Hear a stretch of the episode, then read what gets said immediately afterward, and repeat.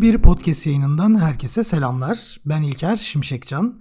Bugün sizlere Meri Akoğlu'nun Ocak 2015 tarihinde Kara Kutu yayın evinden yayınladığı İkizim Söyledi Ben Yazdım isimli deneme kitabından bir bölüm okumak istiyorum. Okuyacağım bu bölüme geçmeden önce birlikte kitabın ön sözüne bir göz atalım. İkizim söyledi, ben yazdım. Yıllardır yaptığı işleri hayranlıkla izlediğimiz fotoğrafçı, şair ve eğitmen Mary Akoğlu'nun deneme yazıları kimliğini gün yüzüne çıkartıyor.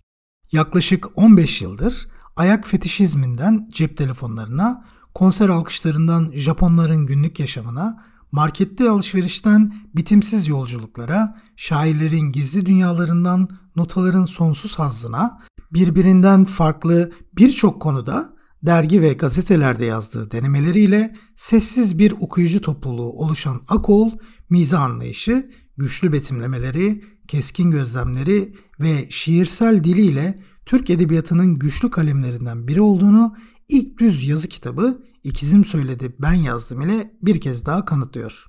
Mary Akoğlu'nun yeni kitabıyla okumanın keyfini bir kez daha yaşayacaksınız.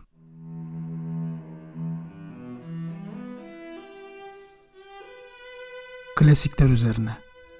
Ve yıllar ağır ağır geçerken önümüzden. Bölüm 1 Bir gün elinize bir fotoğraf makinesi alırsınız. Önce eller ve makine birbirine alışır. Makine biraz soğuktur, ısınır. Eller sıcaktır, hafif soğur. Sıcaklık dengelenir.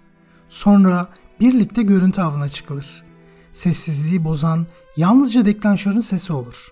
Ayna kalkar, perde açılır ve göze görünen her şey bir fotoğrafta buluşur. O an zaman denen sürecin içinden ustalıkla çıkılır. Bölüm 2 Aniden bir rüzgar eser. Yaprakları kıpırdar ağacın. Bir sürü kuş elektrik tellerine tüner. Yazdır. Kalabalık bir plajın ortasından bir simitçi çocuk kendine yol açar. Diğer bir çocuk kumdan heykeller yapmaktadır. Akşam olmaktadır.'' Vapurda iğne atılsa yere düşmez. Simit ve çay kokusu adeta birbiriyle yarışmaktadır. Bilirsiniz, orada bir yerlerde fotoğraf vardır. Işık yetecek midir? Netleme nereye yapılmalı? Hangi açıdan bakılmalıdır? Okulda öğretildiği gibi mi olmalı? Yüreğinin sesiyle mi kompozisyon kurulmalıdır? Yoksa çekilmemiş yüz binlerce kareden biri daha mı oradadır? Kaçırılmış fotoğrafların acısı büyük olur.'' Hiç karşı karşıya gelinmemiş gibi mi yapılmalıdır? Bilirsiniz, geç kalınmış fotoğraflarda neyi kaçırdığımız daima belli olur. Bölüm 3 Siyah beyaz ya da renkli, geniş açı ya da teleobjektifle, neşeli ya da hüzünlü, akademik ya da gelişi güzel. Çekilecek fotoğrafa nasıl bakılmalı ve karar anı nasıl saptanmalıdır? Fotoğrafçı durduk yerde zamanla iddialaşarak başına iş almaktadır. Çünkü o anı filmi üzerine saptayacak, filmi bitirdikten sonra yıkayacak, kontak baskı alacak, içinden birini seçecek, onu büyük baskı yapacak, çerçeveletecek ve sergisine koyacak ve bunu daha birçok fotoğraf üzerinde tekrarlayacaktır.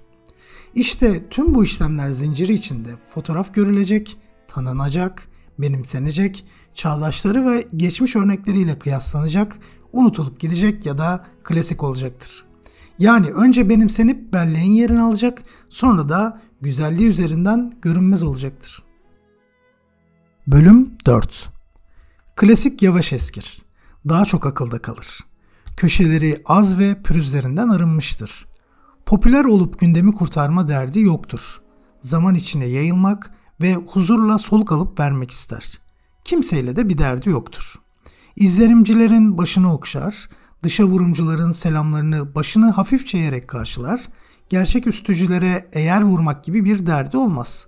Başına post sözcüğü gelen akımlara da dudağının kenarına eleştirdiği müstehsi bir ifadeyle bakar. Sanat tarihi içinde kimseyle kapıştığı görülmemiştir. Yükseğe ağır ağır tırmanır, ve oradan yine aynı biçimde iner.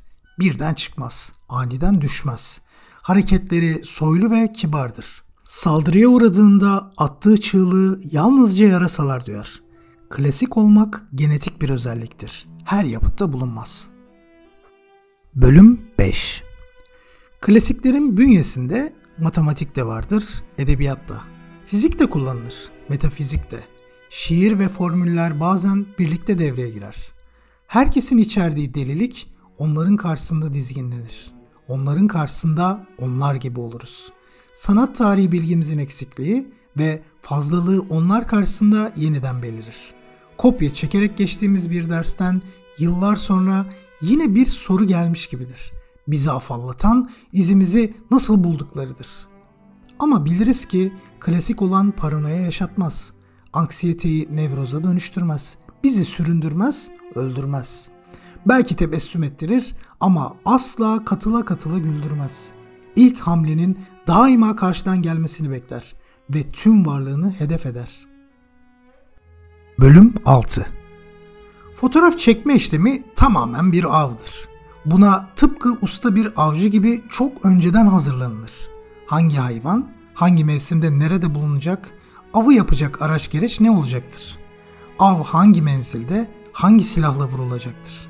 Rüzgarın durumu nedir? O hayvan gerçekten o bölgede av saatinde orada bulunacak mıdır?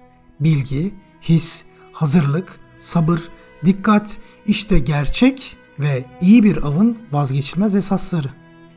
Yukarıda da görüldüğü gibi fotoğrafçılıkla avcılığın prensipleri birbirine çok benzemektedir.